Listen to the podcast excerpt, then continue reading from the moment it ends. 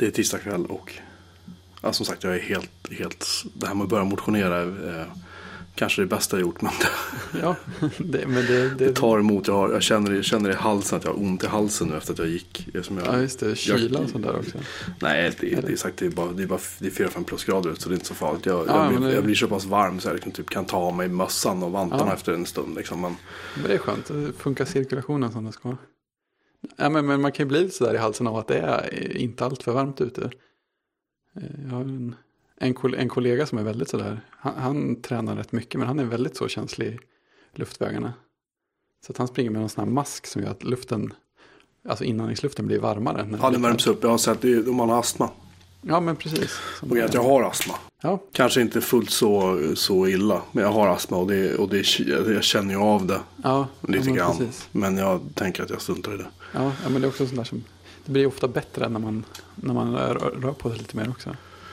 Ja, och, och man, man gör, nu gör jag det här varje kväll. När barnen har somnat så går jag ut. Och så går jag, ja, som sagt, typ två- 2,2 kilometer någonting Ja. enligt Runkeeper.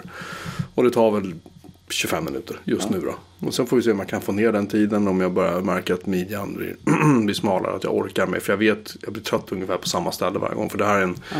det är en kuperad promenad. Först en ganska brant nedförsbacke. Och sen så är det en hyfsat skarp uppförsbacke. Och sen kommer det uppförsbacke. Och sen kommer det uppförsbacke till nedförsbacke. Och sen Ja. så är det nedförsbacke. Så att man, jag får liksom Upploppet är, ganska, upploppet är ganska nice. För det är bara nerför liksom. Ja, det är perfekt. Eh. som man vill ha det. Ja men det, det är så jag har lagt upp med grejen. Ja. Vi, vi, vi bor ju i en liten by här. Ja. Då då, så det. det är inte så att vi har jättemånga vägar och gator att gå på. om Man inte vill gå rakt ut i, i mörkret liksom, på landsvägen. Och det vill man inte göra så här års. Så att, men en eh, men jag ser fram emot. Vad sa du? Som en riktig eh, hjältefilmutmarsch. Bara rätt ut i mörkret. Linje. sätter, sätter på en pannlampa och bara springa ut i skogen. Liksom. Nej, där är jag inte. Men däremot ser jag fram emot att börja, för jag älskar att cykla. Men jag har varit Ah. väldigt dålig på att cykla de senaste åren. Så jag ser fram emot att börja cykla igen framåt Ja. våren sen. När, När det snön inte är sånt här underlag längre. nej, snön är ju i princip borta här nu. Alltså, Ja, men det är det här också. Av, av nästan en meter snö är det bara liksom ja, några centimeter kvar. Ja. Så det, det har gått jättefort. Det är lite Tråkigt. deprimerande. Ja, det är jättetråkigt. Det Men är så mörkt igen. Ja, faktiskt. Det är det.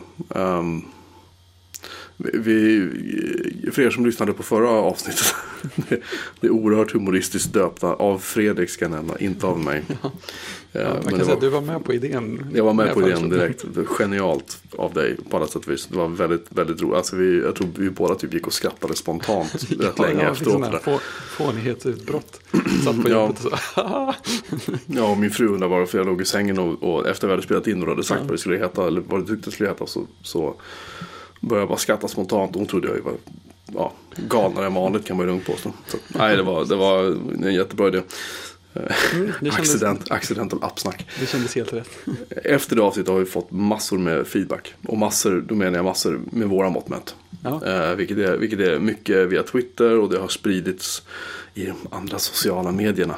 Ja, det. Och det, och det um, um, Anledningen till att jag, för det var mitt beslut att lägga ut så fort efter det för, förra avsnittet blir det nu då. Ja, Eh, just det var mest för att jag kände bara att Det var aktuellt. eh, det var aktuellt och det kändes som att det här blev bra. Ja. Och det här vill jag få ut fort för att det är en debatt som jag känner behöver liksom föras. Men vi har fått väldigt, mycket, väldigt mycket intressant feedback och väldigt mycket allt ifrån eh, den här podcast-appen kan du, eller här kan du titta efter podcast-appar när du ska eh, podda om du kör Linux till eh, mycket bra liksom, feedback på hur folk kom- om sina desktops för att få liksom, en lugnare, mer avslappnad arbetsmiljö till ja, allt Ja, möjligt. det- Liksom.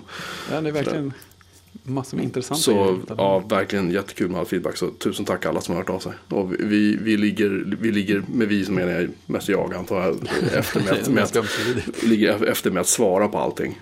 Så, så, men det kommer, vi Ja, lovar. Och vi, vi läser som sagt och uppskattar. vi läser allting och uppskattar det fruktansvärt mycket. Men jag tänker inte bli som, som herrar Syracusa och eh, eh, Casey Liss och eh, Mark Arment och säga att nej, nej, mejla inte oss. För att vi tänker inte svara. För, definitivt, så jobbar inte vi här. Nej, Utan vi vi, är vi, jätteglada. vi är jätteglada så fort någon hör av sig. Med ris eller ros. Mm. I kvällens ämne ska vi väl inte, kvällens ämne ska vi avhandla det vi egentligen skulle ha avhandlat förra veckan. Eh, känns det väl som. Ja, jag ska... vi får väl se. Vi är inte, vi är inte igenom avsnittet. Men det är tanken. Vi ska prata om våra yrkesval. Eller det vi, det vi jobbar med och det vi brinner för. Vilket ibland är samma sak och ibland inte. Ja, Kan man väl ändå säga. ja det är verkligen. Eh, och det är väl i, i ditt fall. Du är ju, du är ju utvecklare. Ja, till Kan min egen förvåning på något sätt. Ja, du är en intelligent människa som mig förvånar inte. Men kan du, kan du berätta hur började det för dig inom ämnet mjukvaruutveckling? Vad, vad börjar du med på? Ja, det börjar ju med någonstans där vid Bubble Bobble kommando på kompisens 128. Sen har jag, så jag, jag spelar ju massor med spel hela, hela uppväxten. Men, eh, jag, och jag, men då vill man ju göra dem också. Såklart. Mm. Men det var ju svårt. Det, det fanns ju massa svåra grejer man kunde läsa. Var det till 64 eller Amigan det följde med någon manual? Eller någon, någon sån här bonusmanual som försökte lära en lite basic eller någonting sånt där. Amigan hade en, manual i Amiga Basic som följde med. Mm. Men jag vet att 64 hade med också sådär Ja, i, 64. i handboken var det. Eller 128, 128 hade nog också det i handboken. Jag har 128 böckerna här någonstans. Ja, ja, för jag hade ju en 64. Jo, men det var nog Ja. 64. För Ja, det, det fanns något litet program man skulle skriva in för att få datorn att spela upp ett ljud. Och så var det så här massvis med sådana datarader sist. ja Och sen så blev det fel och så sa det liksom uh, och så då, blev jag sur och tröttnade. Ja, jag, jag, började, jag, jag började spela in, eller skriva in så datorlistningar från eh, typ alltså datamagasin och liknande på den tiden. Ja, Jag kommer ihåg jag köpte till och med det första numret av datamagasin i telebutiken i Södertälje. jo. Eh, men, men problemet var liksom att om man skrev fel på någon rad så här, det var ju så här, men hur ändrar jag den raden? Ja, men jag är exakt. 100, 120 rader ner liksom. Alltså jag förstod ingenting och det Nej, fanns det var ingen riktig editor. Och, så att jag körde fast där och sen skulle man sitta och skriva in. Jag kommer ihåg att man kunde ha så här tecken och du tryckte på någonting och så typ F1 eller F2 eller så fixa upp. Eller nej, om det var de numeriska. Du kunde få upp så speciella tecken med små färgblock. Eller teck, alltså block, Ja, textblock i. Folk kunde, man kunde måla lite med. Eller Ja, nästan. precis. Och jag förstod aldrig riktigt hur man fick fram dem där. Nej, Och, och då var det så här bara, äh, skit i det här. ja, men, jag ja, jag spelar allt och så, Ja, och, och så, läs, och så läs, lackade jag ur liksom. Ja, så var det en känsla att men det, här är, det här är svårt. Det finns, det finns andra som, som kan det här, men jag kan inte det. Eh, jag kunde ju lära mig att rita lite grafik och sånt där. Så jag hade ju ganska trevligt i Deluxe Paint av och till Ja, på Amigan. Inte för att det blev, inte för att det blev så här snyggt i några absoluta, absoluta mått, men, men jag tyckte det var väldigt kul. Så det- det kände jag, att där kunde jag i alla fall göra någonting. Alltså, eller vad ska man säga, skapa någonting med datorn utöver att bara spela. Eh, men det var mest spel hela vägen. Sen någon gång när, man, när jag hade kommit in på PC-eran så försökte jag väl kolla lite. Så här, några gånger, speciellt när man var inne och härjade med Linux och så här, försöka ladda ner någon typ C++-kompilator och sånt. Det var ju så svårt att få tag på utvecklingsverktyg också. mm. Och så känns det som att ja, C++ var det som var på riktigt på något sätt. Och det var ju jättekrångligt att få tag på. Men var inte det inbyggt, alltså GNU-C eller vad det hette? Det var väl inbyggt i Linux redan från början? Eller? Det Ja men okej, då var det nog lite innan Linux. Då måste det Ja. vara att jag fortfarande satt på eh, Windows. För där ja, fanns det, det, det, nej, det fanns inte. Det fanns ju typ Visual Basic var väl inbyggt i Windows 3.1 ja, på någon, 95 till någon nivå i alla fall. Ja, Det fanns, det fanns något som hette DJGPP eller något sånt där. Ja, det fanns, det fanns någon kompilator som gick att ladda ner men det gick ju inte att förstå sig på det heller. nej. Och sen var jag en av de här som, som gick på den falska bilden att eh, för att bli bra på att programmera så måste man vara bra på matte. Det har jag alltid trott. Ja men precis, jag, jag har alltid trott det också. Och jag har aldrig känt mig speciellt bra på matte. Alltså, alltså det är tillräckligt mycket för att kunna lu- lura folk som är, som är ännu mindre intresserade av matte på högstadiet ungefär. Men där, där stannar Så, så att egentligen var det väl, alltså första, först, det första som jag liksom kom in på som började dra åt programmering sådär på allvar var väl att börja göra webbsidor och HTML. Och sen därifrån så halkade man in lite på så här obegri- allt mer obegripliga konstruktioner i JavaScript. På den tiden innan någon hade lyckats reda ut hur JavaScript egentligen funkade. Eller, och ännu mindre förklara det för någon. Så att där någonstans bör, där började jag väl i alla fall ana att ja, men det kanske går att lära sig någonting här. Men jag vet inte vad jag ska ha det till. Sen var det inte förrän jag alltså plugg, sen började jag plugga på universitetet. Och då kände jag att jag ville ju göra någonting med datorer. För det skulle jag kunna tänka mig att jobba med. Men jag kände mig inte tillräckligt bra på de, matte och de ämnena för att läsa någon ingenjörsutbildning. Så att då läste jag informatik som är mera typ så här, människa och dator, alltså systeminriktat eh, eller vad man ska säga. Men där kunde man ju läsa lite programmering. Och där var jag på något sätt äntligen i nivå. Så att jag, så att jag liksom greppade ganska lätt vad, vad det de försökte lära ut handlade om. Så, så det var någonstans på universitetet som jag började känna att ja, men programmering går nog att lära sig i alla fall. Och sen tog det åtminstone fem års jobbande med programmering när jag började känna att jag åtminstone kunde fejka mig fram. Men vad, vad, vad, vad är det du jobbar med rent praktiskt nu, nu för tiden? Är det, är det webb eller är det... Ja, just nu är det ju mycket, mycket webb. Det har det ju faktiskt varit i princip hela tiden. Sen när jag började jobba så var det var faktiskt allra första grejen jag gjorde var att börja göra så här webbinterfacet för ett, ett bokningssystem var det som var skrivet i Java i övrigt. Mm -hmm. så det var, och det var precis så här när Google Maps hade kommit ganska nyss och Gmail hade kommit ganska nyss. Och det var så här, man började komma på att det går att göra lite liksom, häftigare och större saker på webben än bara sidor som vi slängs ut från en server. Så att vi började trixa med det som heter Ajax då, att eh, här, JavaScript i webbläsaren laddar in data och sådana där grejer. Så det, det höll jag på med ganska, ganska tidigt. Det som liksom har blivit det, det som är moderna webbapplikationer idag liksom började formas någonstans där. Och, och sen förutom JavaScript så var det ganska mycket Java också på andra sidan. Ja, nu, nu är det som sagt nu är det nästan bara JavaScript för min del. Jag gör ju fortfarande, eller gör ju igen. Är det någon POP eller någonting också? Nej, just nu är det alltså bara, bara JavaScript och något som heter React. Som är i webbläsaren och sen så har vi, det finns en populär serverpryl som heter Node.js. Som gör att man kan skriva JavaScript på sin server också. Mm. Och, sen, och, sen, så bakom det har vi våran, alltså vårt schemaläggningssystems egen server som är C++. Så att vi har inget så här klassiskt eh, POP eller eh, Ruby eller något sånt där på serversidan. Inte just nu i alla fall. Det vet man, det kan ändra sig.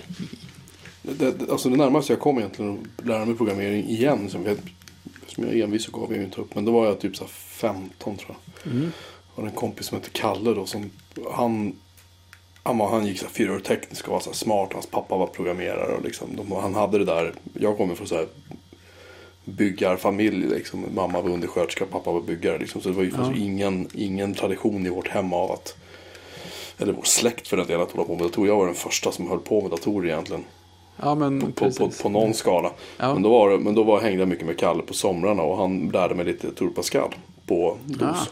Ja. och jag hade fått för mig att jag skulle skriva ett grafikdemo i Tour Pascal. Det här skulle jag säga göra Oj. på en, på en, uh, nu ska vi se, en 286. Nej, 3, jo, nej, min 386 SX16 var det. Ja. 16, fort. Uh, nej, nej förlåt. Nej, det här var faktiskt först på min 286 så var det. Med en monokrom skärm. Ja, som alla proffs. Och i Turbo Pascal kunde man få fram ett antal typsnitt. Oh. Uh, inte av det vackrare slaget de flesta av dem. Men jag hade bestämt för att jag skulle göra ett grafikdel. För att, det var någonting jag insåg att för att lära mig programmering så måste jag ha någonting, ett problem att lösa. Jag kan inte bara sätta mm. mig så här, så här. Det var en sån grej som jag, som jag kände var svår för mig att hitta också så problem i lagom storlek.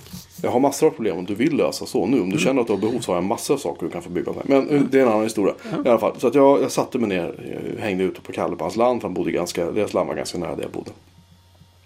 Och då så började vi, jag lärde mig liksom att så här, write Ellen för att skriva liksom, uh, textsträngar då. Och, så där, och använda typsnitt och börja skriva liksom uh, försökte lära mig vad en array var. Det var väldigt svårt för mig att greppa. För jag, mm. jag var ju inte, om, om man säger att man hade svårt för matte. Så mm. var jag den som hade väldigt svårt för matte. Mycket mm. tack vare vissa att jag hade ADHD. Men det visste jag ju inte om. Nej. Förrän många år senare. Vilket inte gör saken lättare heller. Uh, nej, det, det, är väldigt svårt att.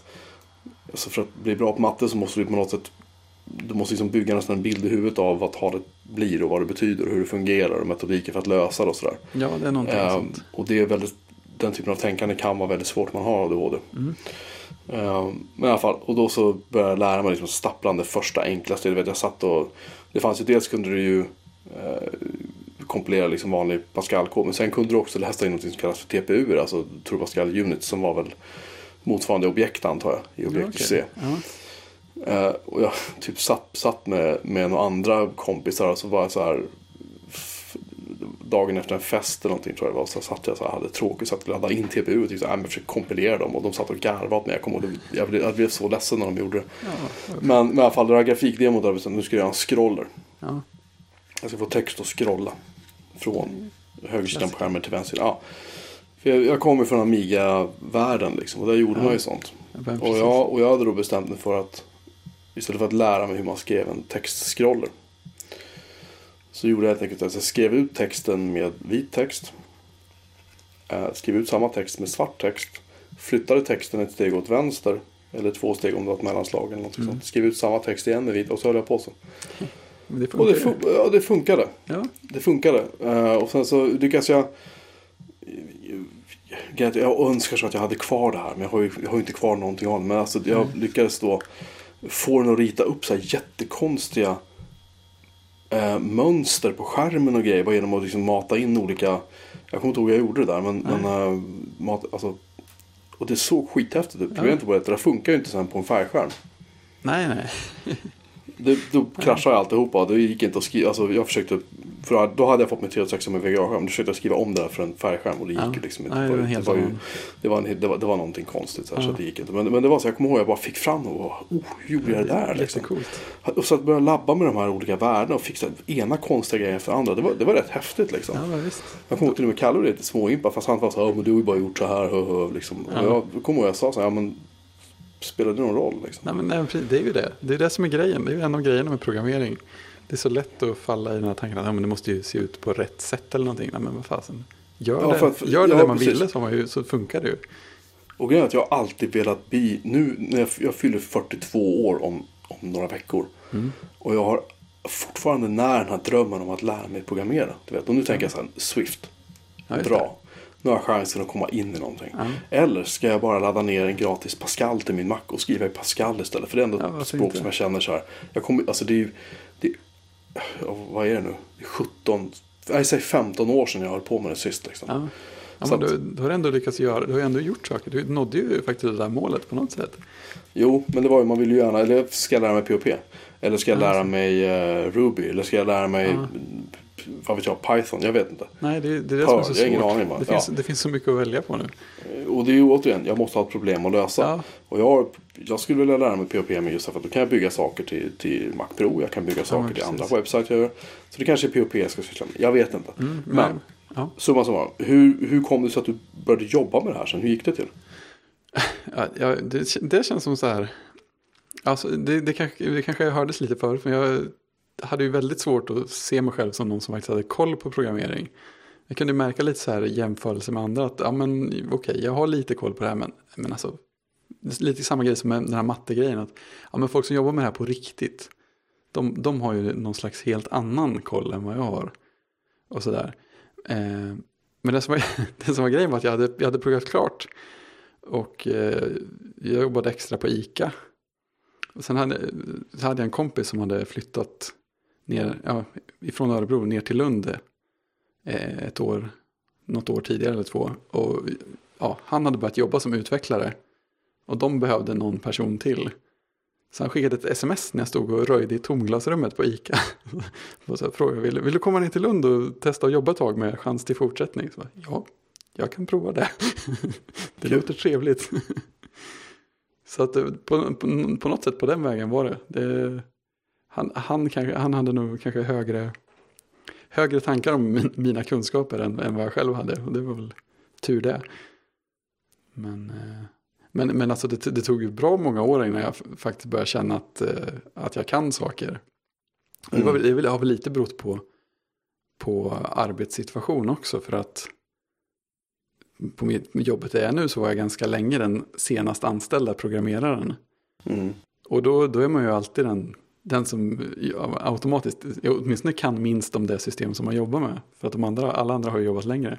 Mm. Så det har ju varit, det har varit ett här trevligt ryck nu när vi har anställt fler de, de sista åren. Så, ja, men vänta nu, det här kan jag ju. Och det här kan jag ju också. Vänta ska jag förklara det här för dig. Ja, men, ja, men precis. Sätt, hämta en stol så ska jag liksom. Ja, men, eh, men sen kan jag ju fortfarande känna att eh, Ja, nu, nu tänker jag mig inte som, nu, nu kan jag faktiskt tänka mig själv, på mig själv som programmerare och känna att ja, men det, det kan jag på något sätt eh, stå för. Men jag känner ju fortfarande att det är, det, fin, det finns ju andra som har liksom andra sinnelag än jag som, som jag själv tycker är bättre programmerare. Men det är väl lite den här grejen också att man alltid så, så här, ser, ser egenskaper som andra har och tycker att det verkar mer magiskt än det man själv kan på något sätt. Så här, jag har en kollega som är så här superanalytisk kring allting, vilket jag absolut inte är. Som är så här, man kan komma in med ett problem och sen så, så börjar han nysta upp det och sen pratar han igenom det och så kommer han fram till en lösning och så kommer han ihåg alla stegen så här och så kan man gå därifrån och känna att ja, men den här lösningen kan jag göra. Och sen när man kommer tillbaka tre veckor senare och frågar hur var det nu med det där så kommer han fortfarande ihåg allt det där. Sånt, sånt är väldigt skrämmande. Ja, men det blir lite så. Lite så. Det, det vill ju till att personen gör det på rätt sätt. Och det gör han lyckligtvis. Annars hade man kunnat bli helt men är, är det här någonting du ser att du skulle vilja liksom, jobba med resten av livet? Du, du är fortfarande hyfsat ung, så jag menar du har ju kanske inte det perspektivet än, jo. men jag menar... Jo, men det, det skulle jag absolut kunna göra. Ser du att du skulle behöva lära dig någonting nytt nu? Liksom? Känner du så här att mm, Swift eller jag vet inte, någonting annat liksom? Eh, jag känner inte att det är någon speciell grej jag måste göra. Men, men däremot så känner jag att jag måste hålla koll på grejer och lära mig saker gradvis. Eh, för det känns som om jag, om jag slutar vara intresserad av att lära mig nya saker inom programmering så är det lite grann stopp. Då, då kan man möjligen bli bättre och bättre på den lilla nisch man håller på med just nu. Men jag känner att det, åtminstone för mig är en väldigt viktig del där att fortsätta hålla ögonen öppna på nya grejer. För det är där jag känner att jag har liksom kommit framåt mest och snabbast. När jag liksom kast, framförallt om jag kastas in i något nytt på jobbet sådär. Och ja, nu måste vi göra det här och vi har de här verktygen att välja på. För det första, vilket ska vi ta? För det andra, när kan det vara klart? lite, lite så. Det, det, man blir sällan nöjd sådär i, sådär i, i absoluta tal med lösningen. Men eh, jag har kommit på det att min, mitt mål är kanske inte att, eller mitt mål är inte att det jag skriver ska vara perfekt när jag tittar tillbaka på det. Det är nästan ett dåligt tecken också för då har man inte kommit framåt. Men mer att man att i alla fall kunna känna att ja, men det här är nog ganska bra efter efter förutsättningarna. Och framförallt så får det gärna bli klart. Det är en bra grej. Jo men så här, funkar det? Ja. Kraschar det? Nej. Ja. Eller, gör, inte, gör inte det du ska? Gång. Ja. Nej men då så. Ja, ja, men precis. Nästa. Nej, det finns ju så mycket. Det finns ju så otroligt mycket inom programmering. Olika eh, filosofier eller kulter eller sådär kring hur man ska jobba med med programmering och hela utvecklingsprocessen och sådär för att det ska funka på bästa sätt. Och det blir man ju bara, ibland är det rätt inspirerande och kul att läsa om, ibland blir man bara trött och så här, ja här är en kille till som säger att eh, vi gjorde så här i ett projekt så det måste vara den enda rätta vägen. Jag lyssnade på en intervju med han Don Melton i, på podcasten Debug. Ja, när han, ja, när han skulle bra. anställa utvecklare och de, och de kom in och ah, jag ska jobba agilt och ja, bla bla bla. Och han kastade bara ut dem därifrån. Med, ja, ungefär. De, för han, han, blev, han blev bara förbannad på dem. Liksom, ja, han Don Melton är fantastisk. Vad snackar ni för skit liksom? Här, sitt ner och skriv kod bara liksom. Gör det, det ska ja, helst vara klart i det här datumet. Ja, bla, bla, bla. Gör det som funkar i eran, eran grupp. Ja. Så här, jaha, kan man göra så? Då finns det ja, nej, det, var, det var väldigt, väldigt kul att höra. För att man har också, när, man, när man är som jag, liksom hela tiden på väg och kanske doppat tårna i vattnet. Vet, sådär. Mm. Så eh, om man, allt det här bara sköljer över Man börjar titta så ja, jag ska ladda ner, ja, nu har Ruby på min Mac. Jag kanske ska börja, mm. Mm, så här liksom. Och så bara, ah, nu måste det här, så måste det här, så måste du hålla på med Ja, precis. Du, vet, du måste köra git, nej du ska köra det här, du måste pusha repo, bla bla bla. Och det är så här bara två miljoner saker som bara sköljer över. Men allt man är så här, men jag, vill, jag vill ju bara, jag vill bara göra det här lilla. Jag vill, få, jag vill köra Hello World liksom. Ja men precis, jag vill skriva något så litet som möjligt. Jag vill ja. inte behöva hålla på och sätta upp. Jag vill lösa problem. Ja, precis. Och där är ju, alltså, POP är ju ett rätt bra val där. För att det, är mm. tax, det är väldigt tacksamt att skriva saker i. Det är inte så himla svårt att sätta upp och sådär heller. Och det har ju fantastiskt bra dokumentation också. Ja, det går ju fort liksom. Ja. PHP är ju så här bra. Sätt upp en, ja du kan ju köra på din Mac om du vill det för den delen. Så. Ja men det, det är ju det. Och det ju, ja. man, man, kan ladda ner sådana färdiga stora paket. Som jag, som jag till slut motvilligt gjorde när, när jag tittade på det här Ja, import. det, Du konverterar 7000 texter från Markdown till, Ja men precis, det till, var, ju- det var ju eh, ett jätteroligt, jätteroligt. Det var ett sånt, sånt, sånt projekt som var precis problem, precis lagom stort för mig just då. Här, Ja. För du hade ju ett problem, precis vad som skulle göras och sen ett skript som någon annan hade skrivit för att göra ungefär samma sak. Ja, fast, så- fast det, var, det, var, det var ju inte riktigt...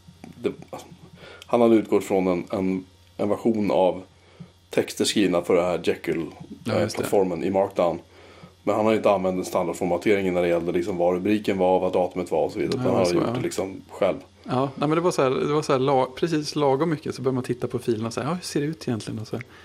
Men där, där började jag ju envisas med att känna att ja, men, det, alltså, jag har ju satt upp POP och MySQL och sånt där på mina datorer förut. Så, okej då, jag laddar väl ner det här Ja, färdiga jag tror paketet. jag som sa åt det bara, ta det här bara, kör det bara. Ja, Liksom. det sa nog åt mig åtminstone två gånger. För det var...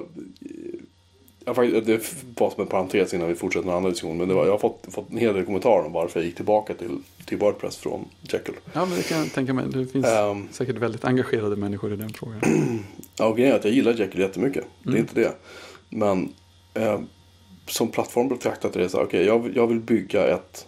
Jag vill ha en RSS-feed som fungerar. Mm.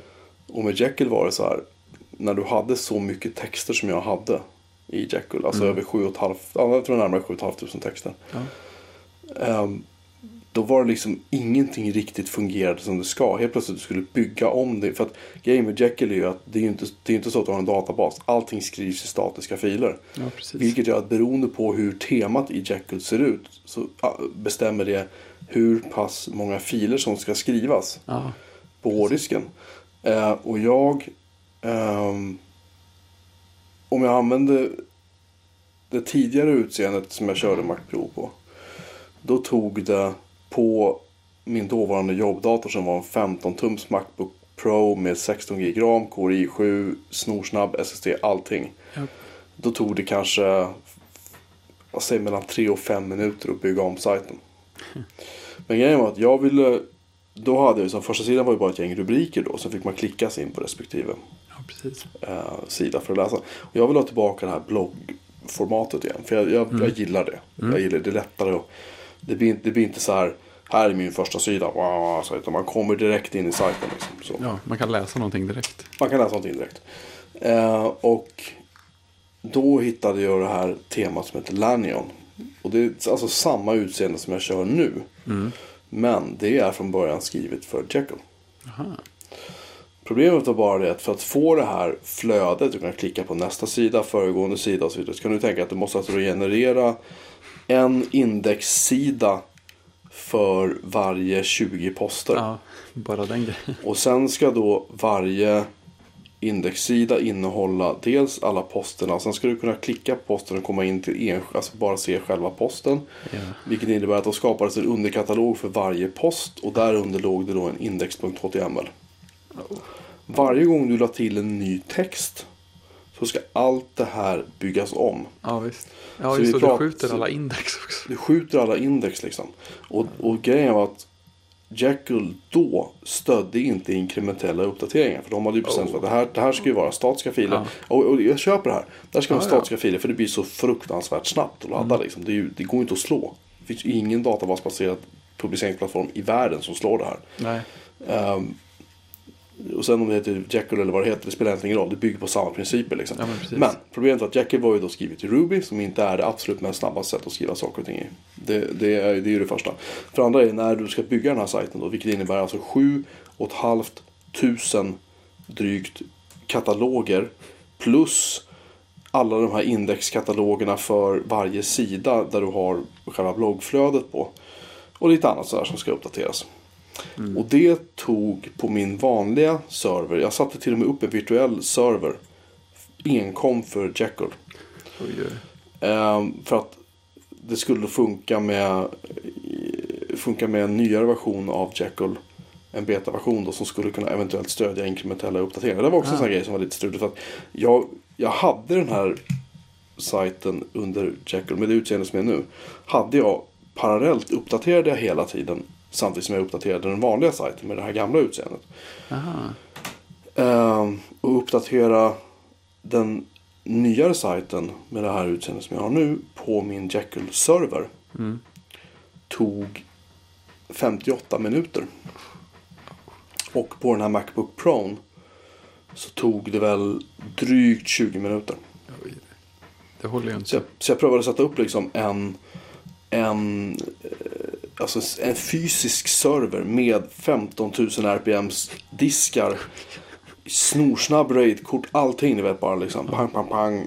Desperation. Och det var samma sak där. Det gick inte fort. Okej. Bygg en server stoppa in en SSD i den. Ja. Spelar ingen roll. För att det var liksom den tiden det tog att bygga det här. Var bara så. Det, det, var, det tog bara så lång tid helt enkelt. Ja. Eh, och sen när den här. När det började komma det betor då av, av Jekyll som. Eh, då skulle kunna klara inkrementella uppdateringar. Så tänkte jag, men då prövar jag det. Och då innebar det plötsligt att nu kunde jag inte längre uppdatera. Den gamla sajten. Nej. För jag har installerat en ny version av Jekyll. Och det, man gick tydligen att ha de här parallellt. Men det krävs att man uppdaterade andra saker i Ruby och så för att den här betan skulle funka. Oh, oh. Av Jekyll. Vilket innebär att den gamla, okej bra, då får jag kompilera på en separat maskin. Och det blev bara värre och värre och värre liksom. Och jag, på någonstans där så kände jag bara så okej. Om man står i en grop så slutar man gräva liksom. Man, Annars kan man inte ta sig ur det. Och då bestämde jag mig, då byter jag till det här nyare formatet och så fortsätter jag köra Jekyll. Ja. Och sen en dag helt plötsligt, utan att jag har ändrat någonting, så går inte det här att kompilera längre. Det går inte att bygga sajten. Och det här hände lite då och då med Jekyll. Det var liksom, återigen, jag tror att, jag tror att det var storleken. För Ja. jag hade alltså så många filer, bara katalogen med alla markdown-filer i. Var så stor så att om jag, skulle, om jag gick in och så skrev jag så här CP-stjärna streck R eller någonting för att få med eventuella underkataloger. För att få allihopa filerna. Då, då fick jag bara då fick jag bara en svar från prompten i Linux. Att, jag tror det var typ så här slut på minne eller någonting. Alltså det där blir man ju lite extra ledsen av. För det är Och det är en man maskin med att man, 16, man, att man ska- maskin med 16 gig minne. Ja. Det var något sånt där. Det var, det var, det var alltså bash eller vad det nu är. Kunde inte ta in, kunde inte bygga en fillista med så många filer. Nej, det är sådana grejer som jag, tro, som jag knappt trodde fanns. Jag tänker så här, ja, men om, jag, om jag gör någonting som bara är enkla platta filer så, så är liksom det en av, en av fördelarna att det blir så lätt att bara flytta runt Ja. allting. Och så går copy sönder. Och jag, och jag tänkte så här i, i, min, i min oändliga visdom då att om jag nu skulle ändra mig så är det ju en väldigt smal sak att gå tillbaka från markdown till Wordpress. För att markdown är ju bara text. Mm. Det inget jobbigt databasformat, det inget konstigt tecken, ingenting. Det bara liksom pop. Köra. Men det var ju inte riktigt så. Nej. Så då stod jag inför att okej, den här sajten går inte att bygga längre. Det var liksom så illa. Och då var det så här, äh, skit jag i det. Jag sätter upp en Wordpress och så börjar jag bara skriva. Och sen får jag importera de gamla texterna liksom vartefter. Så jag, jag gjorde som en sorts... Jag tog eh, den gamla arkivet som jag hade i Jekyll, som var kompilerat i Jekyll. Och så hade jag liksom hela den gamla basen av sajten. Med det gamla utseendet dessutom. Så de, de byggda sidorna så att säga. Precis, och där fanns då arkivet. Och då såg man att det var utseendeskillnader. Så såg det såg inget bra ut. Liksom. Eh, och sen så eh, då tänkte jag, okej, men jag prövar att generera eh, en RSS-fil då med alla posterna i. Men det gick inte heller. Även om Nej. det sa så här, jag kan ta hur många poster som helst. Bra, ta allt det här. Så blev det typ så här 500 poster liksom. Ja, take this. Eh, och då tänkte jag okej, men då får jag väl helt enkelt generera en RSS-fil med 500 poster. Sen får jag ta bort 500 poster ur postkatalogen där alla texterna ligger. Och så får jag generera ytterligare en RSS-fil och så höll jag på sådär. Och det, det gick ju liksom inte. Det, alltså det gick inte att hålla på. Och jag hade i princip gett upp när jag tänkte, men vänta nu. Jag hittade det här skriptet, så prövade jag köra det och allt gick åt helskotta. Och så gavlade jag ner det, så började du och jag prata om det och så red du in som en riddare i skinande, skinande rustning och bara löste det. Pang! Ja, ja det är ju det. Det är ju det när man hittar ett sånt, sånt där problem som, som passar en. Så då, då blir det ju så här svårt att sluta också. Så här, satt och putsade och så hittade åh men vänta nu, här, här, här var ju datum som Och du, och du, och du, du post. satt och bollade. Man vill du ha det här också? Och den här länken där? Men hur gör vi med den där? Och liksom, Ja. det, det var, jag, så här, jag kände mig så bortskämd. Liksom, för det var så här, ja tack gärna. Ja men det är verkligen så win-win situation. Så här. Ja. Jag skulle kunna fixa den här grejen också. Vore, vore det nyttigt? Ja, Till slut så var det bara, nej men nu är det bra. nu, nu, har- nu har jag importerat det här. Nu, nu kör vi bara. Liksom. Ja, precis. och, är det, och, det, och det är det vi kör på sen dess. Faktiskt. Ja, ja det, det är riktigt kul. Ja, det känns skitbra faktiskt att, att, uh, ha fått tag i fått in det igen i systemet. Liksom. Men i alla fall. Så att du ser, du är inte en särskilt obegåvad utvecklare på något sätt. Tvärtom. Ja, jag börjar lära mig. Eh, vi, vi hade ju en rolig sån portningshistoria med Kodsnack, podden som jag är med i. Ja, För den, den, bör, den körde vi i början, första månaden åtminstone, på Squarespace. Som alla gör reklam för. ja just det. Och jag tyckte det funkade, det funkade helt okej tyckte jag. Det, var- alltså, det var lite så här, lite för mycket flashigt och inte tillräckligt mycket smidigt. Men det, det dög ändå. Men eh, Tobias och Kristoffer som också är med i podden och som ju också är programmerare, ännu mer ute i fingerspetsarna. De störde sig mer och mer på Squarespace. Så, så en, en förmiddag tror jag när vi hade lagt ut ett avsnitt så fick Kristoffer något utbrott på hur dåligt allting var med Squarespace och hur illa allting var. Och sen när jag kom hem på eftermiddagen så hade de byggt en ny struktur med en annan sån här statisk genererare och portat över allting och lagt upp kodsnack på ett helt annat ställe. Okej. Det var en sån här vredesportning av något slag. Det, sånt kan också hända. Ja, men det, det, det jag gillade med Jekyll var det så här att okej, jag tar upp byword och så bara skriver jag. Ja men det är ju det. det är och, och hela den här, hela den här klyschan, du vet, men ja det är så här. Det, du blir inte, det, är helt distraktionsfritt och liksom, Mm. ba, ba, ba. Och det är så här, ja, och det, och det stämmer faktiskt. Det funkar så. Ja, men det gör ju Men, det. men problemet är så här, ja, du ska ha en bild med också. Ja precis. Varje gång så här, kolla upp i någon gammal fil. Hur gjorde man det? Ja, och då har man, har man tur så stödjer då temat då som du har Mm. bygger din sajt på. Då stödjer den att den liksom resizar bilden enligt, inom CSS någonstans. Uh, har du otur så gör den inte det. Eh, och, och det var också en grej med, med alltså i, i Wordpress i POP så kan jag gå in i POP och så kan jag se, jag kan se vad som händer. Det finns något som heter loopen i, i Wordpress, det är där liksom texten visas. Oh. Och då kan jag se exakt i POP så här. Inte för att jag kan koda POP, men jag förstår vad som händer. Ja, ja, precis. och jag vet om jag, jag vill lägga in det där, om jag vill lägga in, som jag har lagt in så här. Eh, vilken typ av text det är över rubriken i en röd text liksom så. Mm. Och jag kan veta exakt vad jag lägger in någonstans. Jag vet vilka POP-anrop in i Wordpress som jag kan göra. Mm. För att få fram just den datan och så. här. Och Liksom allt det där kan man googla fram.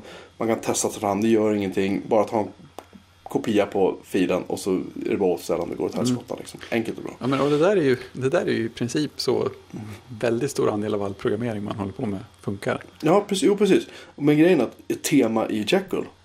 Det är ju skrivet i Ruby. Ja, ja Eh, och och, det, och det, är- det är liksom skrivet på ett sätt som man, man sitter där och bara, vad, vad är det här? Ja men precis. Det känns väldigt magiskt allting. Och så Vi- börjar, man pilla, så man pilla så här, du vet, och så, uh, liksom. Ja, nej, vi använder ju en, eh, också en sån här statisk generator för kodsnack som heter Hugo. Mm. Och den är ju vrålsnabb verkligen med den liksom, lilla antal filer vi har. Men det är ju precis de där grejerna där också. att Just det, en bild ja. Mm. Och var var det den skulle ligga någonstans? Och så, ja, så skriver jag en sökväg. Ja, men det där. Så där skriver jag på ett annat ställe. Vi provar och ser vad som händer. Och precis det där är intressant säga, för att jag vet inte hur många gånger som jag eh, la upp en artikel när jag skrev det i, i Byword och sen eh, kompilerade jag upp hela sajten. Så insåg jag att, aj då, jag har skrivit fel sökväg till Ja. bilden. Och vad innebär då? Jo, då helt plötsligt händer det då så att den här artikeln blir indexerad på den här aapl.se exempelvis. Och folk får upp till sina RSS-läsare och allt det där. Så, problemet är att då fattas bilden och så kan det vara liksom en trasig bildikon eller någonting det, som syns då. Och det är inte så här våldsamt snyggt. Okej, bra. Nej. Ja, då går jag in och fixar det. Det är en typo eller jag har glömt någon slash eller någonting. Ja, just. Ja, och ska jag bygga om sajten igen. Ja, Varje gång. Om jag satt liksom och labbade med utseendet så hade jag en, en, en lokaliserad version av Jekyll där jag hade typ så tre texter. ja, Bara för att se. För när man pillar i CSS så är det ju inte att du bara så här bla, bla, bla, så vet du att det kommer se ut exakt här. Nej. Nej. Du laddar om sidan om och om, om, om, om igen. Liksom. Ja. Ändra, spara, ladda om. Alltså jag hade style sheetet upp i Nano liksom, i ett terminalfönster. Ja, och så satt jag liksom och bara ändrade så här, du vet, små värden för fonter och sånt där trams. Liksom. precis. Och så var det bara okej spara och så gör vi Jekyll bild och så vänta. Okej bra nu laddar de sig. Nej fan nej, okej bra. Minus och hum, hum, så här. Och i Wordpress är det så här. Ja visst jag har fortfarande POP eller CSS-filen men jag är öppen i, i Nano. Men jag kan bara, det går så mycket fortare allting. Ja. Lägga upp en artikel. Det är så här. Om den inte är lång, om jag bara ska göra en länkposting. Det är så här, ja det, det är 30 sekunder för mig. Mm. Medan varje gång jag skulle göra med Jekyll var så här, det var ett projekt. Och då, Tom Melton sa ju samma sak. Och, alltså, han angav samma anledning till varför han också ville gå till, gå till Wordpress. Och det är så här, om jag inte är hemma. Ska jag behöva SSH in till min server. Ja, Och liksom, visst jag kan ha allting på min notebook, det är väl en sak. Men då måste jag R-synka upp ändringarna. Ja, visst, allt blir så bedrövligt. Och det tog sin lilla tid också kan jag meddela. Ja, när du har det- så mycket filer. Och visst, du kan välja att liksom R-synka bara vissa delar av sajten och hej och hå så här. Men då visar det sig att R-sync under OS 10 har vissa problem med det. Den kan inte exkludera vissa filer som är ändrade. I alla fall var det så i 10, 10 tror jag det var. Ja, Det fanns buggar där. ja. Eh, som gjorde att du inte kunde låta bli att R-synka vissa saker. Ja, det, Eller R-synka saker och ting i viss ordning. Så jag fick skriva ett litet skript som exempelvis inte R-synkade upp RSS-filen före att artikeln hade synkats upp. För då alla de här Ja, äh, ja. sajterna som, som apl.se Ja. exempelvis då, som är jättebra. Den eh, sög då in RSS-filen men det fanns ju ingen artikel att Nej. gå till för den var inte uppladdat ännu. ja. Och där kan man i, i, i, i R-sync så kan man säga åt den, okej men skippa den här filen och den här filen och den här filen. Mm. Men det gick inte. Så att jag fick gå in och radera, eller jag fick gå in och flytta den till en annan katalog. så- R-synka upp allting, flytta tillbaka filen, R-synka bara den filen sen. Och hålla på så här. Och det, blir så här, när det blir ett sånt här projekt, visst du har byggt en modell för det, men allt det känns som att du bara, du står bara och fäktas med väderkvarnar. Ja, dag ut och istället för att bara kunna skriva liksom. Ja, ja precis. De det var då- det var det- bara skriva grejen igen. Ja, jag tappade liksom lusten under långa perioder med att skriva. För det var så, det var så mycket strul med det. Och jag kände så här, jag målar in mitt hörn nu. Jag har gått ut och berättat för alla hur otroligt bra Jekyll är. Och det är bra. Men inte för en sajt av den här storleken som har den här Nej. historiken. Vill du börja på från dag ett och skriva någon text då och då. Det är jättebra liksom. Ja, och det är sådana Det grejer var som ingen riktigt mm, pratar om vad jag har sett. Nej, för jag har varit, jag har varit inne på, liksom, på GitHub och inne och pratat med folk och mailinglistor och så och bara frågat vad ska jag göra? Och jag har än så länge inte stött på någon som har så många texter som jag har. Som, har som, som kör Jekyll. Nej. Inte någon. För de flesta använder det här som en sorts... eh, ja, vi har en webbsajt med fyra sidor. Vi marknadsför oss lite grann. Eller vi har en blogg med några texter här och där. Ja, och lalala liksom. Jag säga att jag har inte prövat Jekyll sen... eh, för en version 3 tror jag det är. Den tror jag är släppt och den ska funka med så här partiella uppdateringar. Den ska fatta själv. Att jag behöver inte ändra allting. Men det förutsätter ju då att det tema du kör inte krävs. Ja, men precis. Det, det, Alltså, det kräver att du måste uppdatera hela sajten. Vilket det här temat som jag kör hade gjort i alla fall. Ja, men precis. Det hade varit kört ändå. Ja. Så att, eh, ja, summa summarum. Jag, jag, jag, liksom, jag, jag kan nog kanske lära mig att koda tids Ja, men, men eh, Du har redan gjort en del. ja, ja får man vare sig säga. vill eller inte. Ja, men exakt. exakt. Under protest. Ja, nej, så att så är det.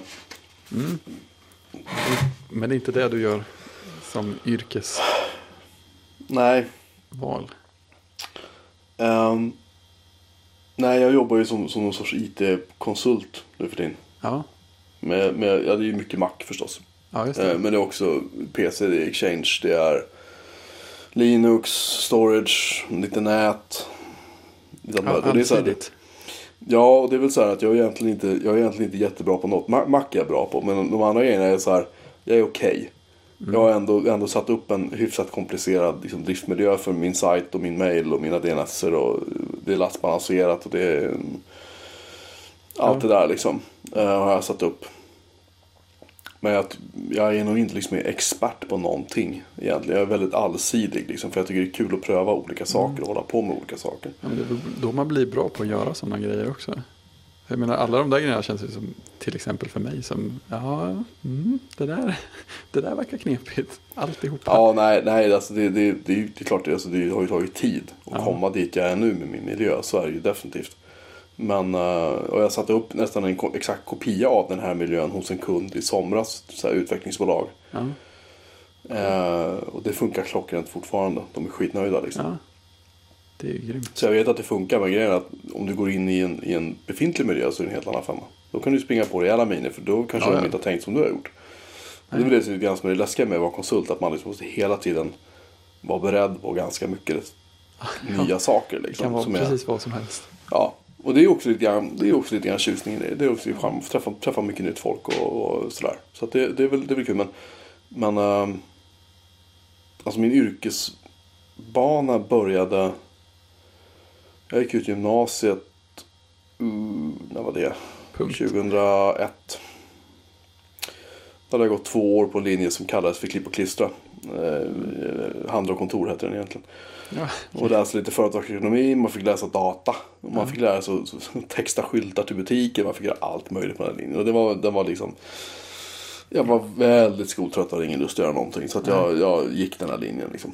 Ja. Eh, mest för att ha någonting, mest för att få studiebidrag misstänker jag egentligen. Men, eh, och sen satt jag mest bara hemma och hackade med mina datorer ändå. Det var innan CSN blev arga och började ta, ta ifrån en studiebidraget för övrigt.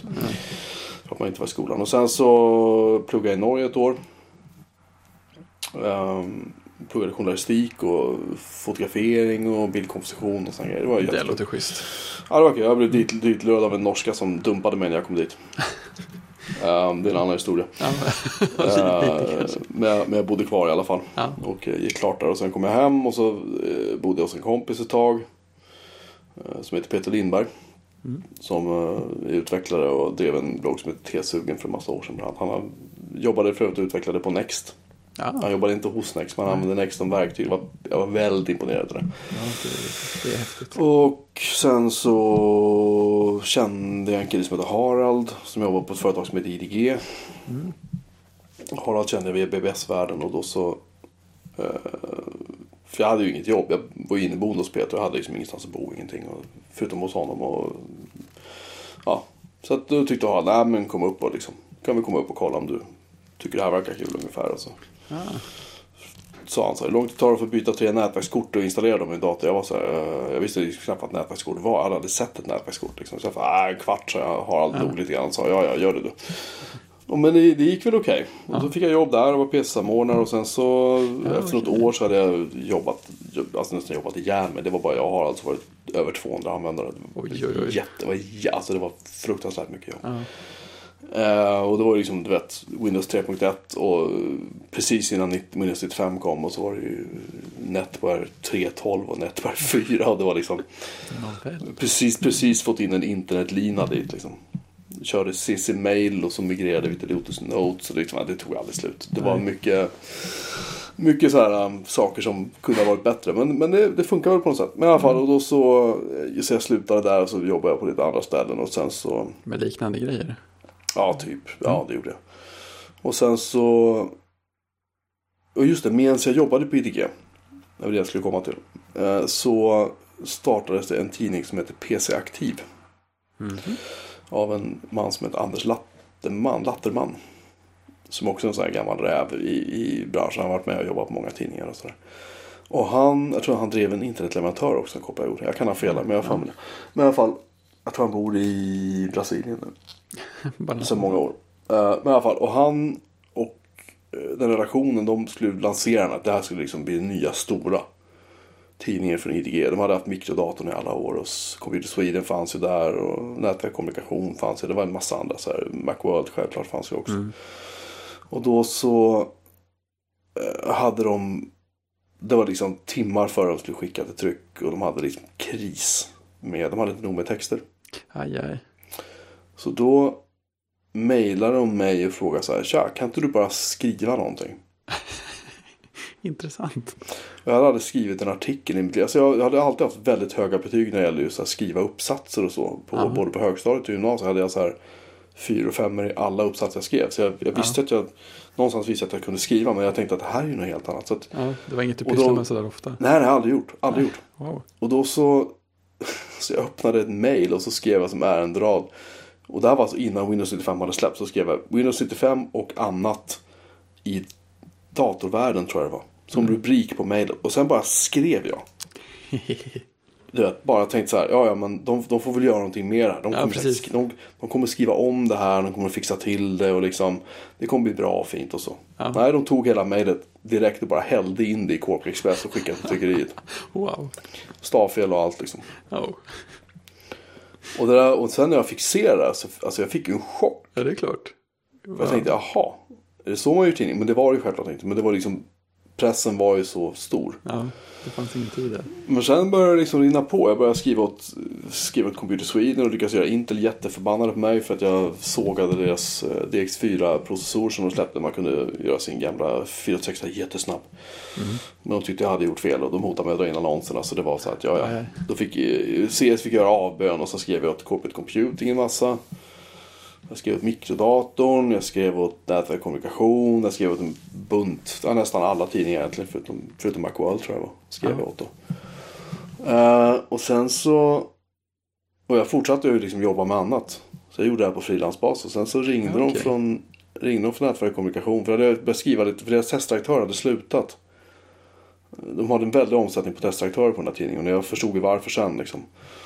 Eh, men då så... ehm, då behövde de någon som skulle skriva ett stort jämförande test av någonting. Jag minns inte vad, om det var typ så här mjukvarudistributionsverktyg i Windows-miljöer. Alltså, det fanns ju något som hette ehm, CCM från ett företag som heter On Technology. Intel hade någonting. Det fanns lite olika så här verktyg som man egentligen bara använde för att inventera och skicka ut mjukvaror med till Ja, Windows-datorer. okej, Det här var innan SCCM och innan sådana saker liksom. Som nu är ganska mycket mer modernt. Så. Ja. Det, här var ju, det här var ju inte så bra grejer på den tiden. Men i alla fall, och de bad mig att jag skulle göra ett test på det här. Så jag gjorde ett test på det. Uh, tyckte det blev bra och så frågade de så här, men vill du börja jobba här liksom? Och jag tänkte så här, jag ska tillbaka till IDG igen. Och, ja, okej då liksom. Så att jag, jag började på IDG igen. Så att jag var testdirektör där och så det första som hände var att när jag satt vid mitt skrivbord så ringer det i telefonen. Och jag lyfter luren och presenterar mig glatt. Och en kille då säger, jag vet inte om vi ska pipa ut det jag kommer att säga nu, men jag säger det rakt ut i alla fall. Han sa ordagrant ditt Och jag sa, eh, va? Han sa, det är du som är Melin va? Ja. Du är ett jä-" Och så sa han det igen då, samma ord. Och sen började han skälla ut mig för det här testet. Det visade att det var de som hade generalagenturen för Intels verktyg som jag hade sågat längs med fotknölarna. För okej. Intel själva hade ingen distribution på det här. Det var det här företaget som hade stått för all pengar för marknadsföring och allting. Och de skällde mig. Och sen visade det sig att jag sa men jag kan koppla det till min chef. Ja, gör det du, sa han. Jag ska få dig sparkad. Och sen kopplade jag honom vidare till min chef. Och han lyfte luren. Han knappt presenterade sig förrän han i princip fick samma utskällning. Det slutade med att vi la ifrån oss luren och gick därifrån ungefär. Okej. Men, men det var så här, det var, liksom, det, var, det var min introduktion. Sen var jag där ett år. Och, och när jag säger det här att det var väldigt omsättning på testdirektörer var det just det där för att du hade fyra veckor på dig att testa och skriva ett stort jämförande test. Mm.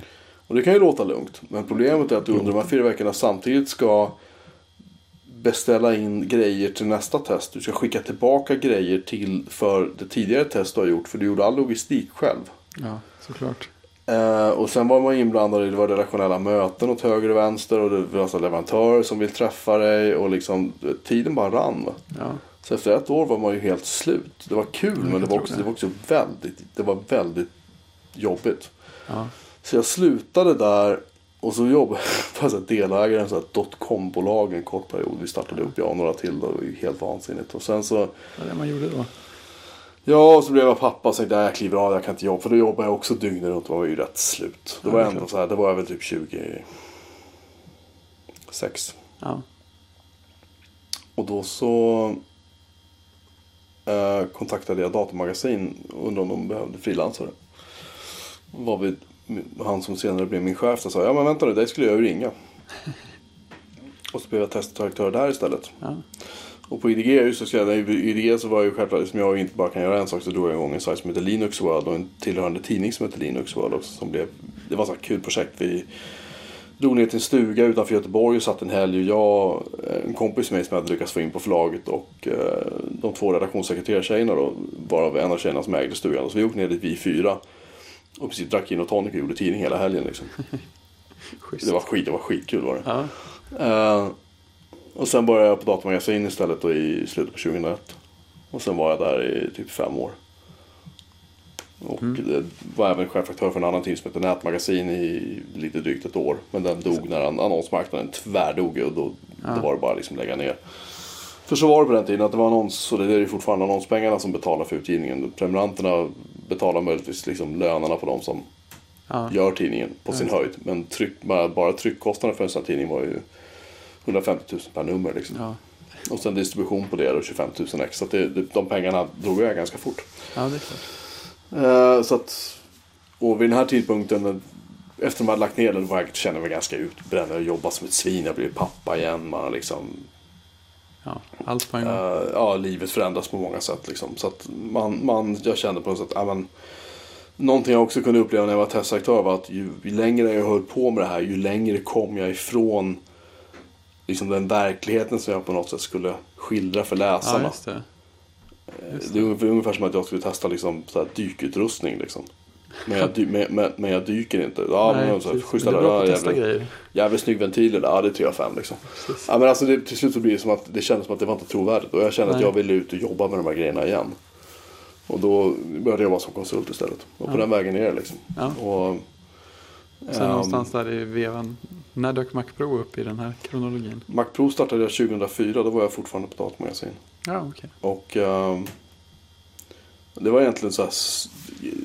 Jag, jag pratade med en av förlagscheferna på, på det som då var. Det hette, för det hette Medströms dataförlag när jag började där. Mm. Och det interna skämtet var ju då självklart bara döda fiskar flyter Medströms. Så tyckte inte cheferna om att vi sa. Helt Och ofattbart. sen så var det till och med någon som hade tryckt upp en linjal och fått det där inetsat i linjalen. Liksom. Och gett som present till någon. Det var väldigt inte uppskattat. Eh, och sen så hette vi Jemet Mortensen ett tag efter de norska ägarna. Och, det var väl, och då hade jag pratat med någon av förlagscheferna på eh, vars namn jag inte tänker nämna här. Säga, för det är ganska pinsamt. Men jag hade en känsla av att Apple var på gång nämligen.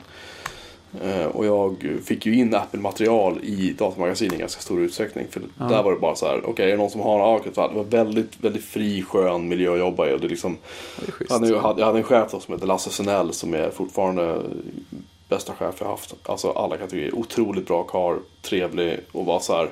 Så han, kände, han kunde liksom ta hand om ambition när det fanns. Och hade man en dålig vecka eller inte orkade, var så här, "Nej, men fan gå hem liksom. Ja.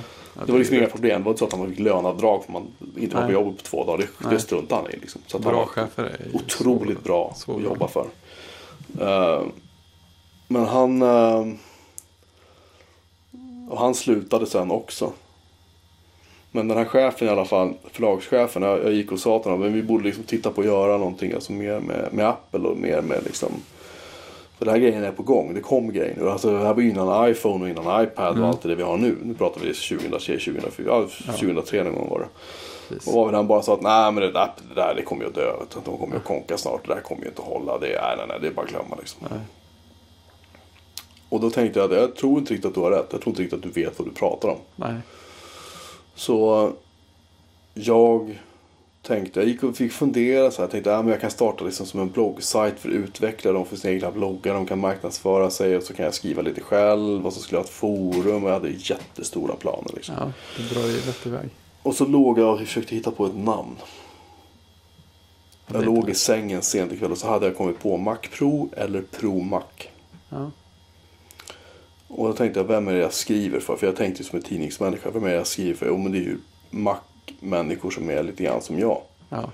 Kanske inte proffs men lite mer entusiaster, lite mer avancerade användare. Och då blev det Mac Pro. ja, det Och känns... sen var det faktiskt, ja det, ja, det funkade bara på något Ja, sätt. Och, sen, och det här var ju för övrigt innan datorn Mac Pro fanns. Ja, just det. ja, det Jag hann, jag hann för övrigt registrera namnet. elegant Ja, så. jag hann registrera namnet Mac Pro hos Patent och registreringsverket. Innan Apple Ja. släppte, innan de ens lanserade Mac Pro, innan det namnet ens fanns. Ja. Men deras dator heter ju Mac mellanslag Pro för övrigt. Så att de gör ju egentligen inget. Jag skulle ju säkert kunna hävda något men det vore bara löjligt. Liksom. Ja, ja. Så i alla fall slutet på 2003 någon gång så började jag liksom Jag registrerade domännamnet. Jag tror det var början på januari 2004. Mm. Det var någonstans där. Det kan jag ju faktiskt. Ursäkta mig. Eh, Jag kan ju faktiskt eh, kolla det på en gång. Det är ju väldigt enkelt. Ja, fan skickade du inte det där datumet? Jag tror jag skickade det till dig och det gjorde jag. Det var alltså den 6 januari 2004. Ja. Det domännamnet har jag haft sedan dess. Eh, Men i alla fall så att. ehm, Det blir, ja det var 12 år. För 20 dagar sedan. Som jag registrerade det domännamnet. Eh, Men i alla fall och då så. Och då hade jag alla de här planerna. Jag började titta på. Jag installerade Movable Type som hette. Det var ett Ja, bloggverktyg. det var stort ja. Det var jättestort. Jag tror faktiskt att Daring Fireball kör på det fortfarande. Och Ja. Six Colors tror jag använder Movable Type också. Ja, det var gratis. också. Det var gratis på den tiden. Ja. Men det hade så fruktansvärt mycket problem med kommentarsspam. Minns jag bland Ja, annat. Det var massa det- andra problem med det också. Men det var det, var det stora. Ja. Men, eh, och då, och då eh, pratade jag med Roger Åberg som precis hade startat Macfeber inte långt innan. Ja, ja. Och han sa bara det, nej nej nej, nej. skit i allt det där, blogga bara. Mm. Det var hans råd till mig och det hade han ju helt rätt i. ja verkligen. Så han är en betydligt mer klok karl än vad jag är. Klarsynt. Så, så um, ja, på den vägen blev det Macbro. Mm. Egentligen. Men det är ju liksom, men jag älskar att skriva och jag önskar att jag hade mer tid till att skriva. Jag tycker podcast är skitroligt också. För det där håller jag med Mark Arment. Han har ju sagt tidigare att han tycker det är lite svårt att skriva just därför att när man pratar så kan man ju mer ge uttryck för Ja, man kan och bearbeta tankar och idéer. Och man kan bearbeta det mer och man kan framförallt liksom man kan tänka lite friare och folk hör ens tonläge när man Ja pratar. men, ja, men verkligen. Det gör, det gör så Eh, och det, han, han har helt rätt i det. Men jag älskar fortfarande, jag älskar fortfarande att skriva de här långa artiklarna om någonting. Ja. Liksom, göra ett långt test eller så om någonting. Ja, och det, är, det, är så, det är så skönt att läsa sådana längre, djupa saker också. För det, är man, det är man ändå inte sådär jättebortskämd med på nätet. Det finns så mycket korta, sådär översiktliga saker och sån här andlös nyhetsrapportering. Men den där lite längre texten som har fått ta lite tid, den är ju inte alls lika vanlig. Och speciellt inte när den är riktigt bra. Nej men jag har, jag har, egentligen, jag har egentligen två kategoriposter på MacPro. Det är, det är ju långa eh, artiklar och sen är det de här korta länkposterna. Ja, Och, länkposter, och länkposterna är någonting, det är så här, det har jag tagit rakt av från Daring Fireball, det är inget snack om något annat. Eh, men jag, jag gillar den idén just därför att ja, men det är det. jag, jag, jag, jag läser någonting som jag tycker är bra, som jag tycker är intressant och det här vill jag tipsa om. Ja, men. Men och varför ska jag då sätta mig som, som många andra sajter, och det är inte bara Mac-sajter, det är ju liksom vanliga nyhetssajter också. Och skriva om en artikel som redan finns. Ja, det är jättekonstigt. Det är Och, och kanske inte ens credda, liksom. kanske inte ens Nej. länka till källan, vilket många inte heller gör. Nej, så, Fram, nej, framförallt, framförallt svenska, svenska Mac-sajter är väldigt dåliga på att länka till källor. Ja, alltså jag stör på hur alltså, nyhetssidor överhuvudtaget, hur dåliga många är på att länka till saker. Alltså, Ja, det är om alltid så här, och det, det här det är en rapport som har publicerats, eller de här, den här organisationen skriver det här, så finns det inga länkar. Vad är det med er? Nej, men ibland ser man ju... Jag hade läst någon artikel på... Om det var Aftonbladet, jag minns inte i alla fall. Men det var någon sån här sajt och det var, det var liksom en artikel där det var någonting om en... En bil säger vi. Eller någonting som hade hänt, en händelse. Och då var det skrivet på ett visst sätt. Så man kände så men det är konstigt. Det var bara någonting med, med flowet i texten som bara kändes konstigt. Liksom. Och då så... och då hade de länkat i artikeln till, till originalnyheten. Aha. Och då går jag in på originalnyheten och den är alltså precis identisk fast den är ju då på engelska. Så de har bara skrivit av den. Ja. Och jag kan personligen säga att jag skulle aldrig sätta mitt namn under en sån grej. För det, det skulle vara så pinsamt att... Och det, och det, Ja, kan, och det, och det, kan, verka- det kan verka prätt och det kan verka lite så här högtravande och så. Och, jag vet att det är så medier fungerar. Att det är bråttom. Det är otroligt högt tempo. Jag, jag käkade julmiddag ihop med, med en, en, eh, en herre som jag låter vara namnlös för att jag vill inte sätta honom i klister. Men han, han, är, han har varit journalist i många, många år. Hans namn är känt. Mm. Och han jobbar med att skriva med lite andra saker då än det han har gjort sig blivit känd för. Och han säger att han numera eh, om han får lägga liksom två timmar på en bra artikel då är det sällsynt. Ja. Han sitter bara och skriver av andras material. Och det tycker jag är så sorgligt ja, liksom. det för att- blir ingen yrkesglädje Nej, det eller? nej. Men och nu, och nu vet jag att den här diskussionen går väldigt mycket från det vi skulle prata om egentligen våra respektive karriärer om man säger så. Men, men här finns det en, det här är en fråga jag har ställt många gånger och det, och det finns en väldigt intressant diskussion i det här. Och det är att vem ska betala för den här journalistiken som folk faktiskt, det som du säger, det som folk faktiskt uppskattar. Ja. Jag brukar kalla det för filterjournalistiken, alltså tidningen Filter Ja, långa, stora, tunga artiklar. Det finns mig veterligen väldigt få, om ens några andra tidningar som gör det på samma sätt som Filter gör det. Jag är väldigt imponerad och, de, och de, det bär sig ekonomiskt för dem, för de, de gör det så bra. ja. Varför kan man inte göra det på nätet då? Jo, därför att på nätet så finns det en kultur av att allting ska vara gratis. Och det är ju medierna själva som har liksom lite grann, de har grävt sin egen grop här. Men problemet är att de drar med sig alla andra ner i den. Så försöker du bygga en betalvägg eller någonting, då, brukar det, då är det ungefär sex månader. Och sen så blir det som att, jaha, eh, vi tappar visst 98% av trafiken. Ja, ja, men vi öppnar upp igen då. Liksom. Som, jag tror det var Sydsvenskan som skulle göra det nu. ja. Men det är ju det. Och Det så, så att det, det, det, finns en utmaning här. Någon måste pröjsa för det här. Och sen, Ja. du har ju liksom politiker på höger eller vänsterkanten, jag vet inte vilka, som tycker att nej men allt ska vara gratis. Så han Richard Stallman var ju i stan häromdagen och sa att medieföretagen de kan gott gå i konkurs för de har blåst oss på så mycket pengar alla år. Ja, ja okej, fair enough. Men vad ska du läsa då? Ja, men precis. Vilka tidningar, vilka morgontidningar ska du få dina nyheter ifrån? Vilka tv-kanaler ska du få dina nyheter ifrån? Om ingen finns. Ja, men visst. Och Och liksom, Att ha medier, nu säger jag inte att Max-sajter nödvändigtvis faller under den kategorin. Det vore väldigt högtravande att påstå. Men att ha dagstidningar, kvällstidningar, det, det är en del av en demokrati. Liksom. Ja men det är ju det. Alltså folk som, som lever på att granska saker. Och Ja, fundera över saker. Och liksom ta saker, Ja. några ytterligare steg mot vad alla andra gör. Som ta det här avslöjandet om, om Kommunal. ja, Ja. Det är ju liksom Aftonbladet som har gjort det här. De, de fick ett tips, de har jobbat häcken av sig. De ska ha all cred i världen för det här. Och liksom, men, men om du hade haft den här, den här förbaskade Instagram klicktorsk-kulturen som många svenska Mac-sajter kultiverar allt för mycket. Då hade du inte haft den här artikeln överhuvudtaget. nej. Det, det, hade, det hade inte varit någon som hade kunnat sitta liksom två veckor och gräva och gräva och dra i alla kontakter och ringa telefonsamtal och du vet börja luska i bokföring och begära ut handlingar. Det finns inte tid eller utrymme för det. nej. Utan det är liksom stora etablerade medier som fortfarande har någon som helst självkänsla. I det här fallet Aftonbladet som i övrigt inte ja, är mycket till världen. Som nej, jag tycker. nej, jag tycker det, det stör mig också lite grann. Det kan ju inte vara kul att skriva seriösa, de här djupa grejerna och sen så måste de hamna där. Alltså det hamnar ju runt så mycket skräp som drar ner helhetsintrycket. Ja, nej, det, det, jag håller helt med dig liksom. Men, men, men så att, ja, det är så här, jag, menar, jag, jag, jag är väl känd för att då och då återkommande liksom häckla mina Mac-sajtkollegor liksom och kanske driva lite med dem och skoja lite med dem men också kritisera dem. Men det betyder inte att jag inte förstår deras problem och deras utmaning. nej. Definitivt inte. Jag menar, jag var själv på 99 Mac i nästan ett år. Mm. Eh, och jag vet exakt hur mycket jobb som krävs. För där jobbade jag återigen så kopiösa mängder. Och vi lyckades få sajten upp till en nivå där, den, där, där den besökantalet gick över vad vi någonsin hade sett tidigare. Mm. Och sajten faktiskt ekonomiskt också bar sig. Jag vet inte alls hur det går idag men, men då i alla fall vet jag att det gick bra. Ja.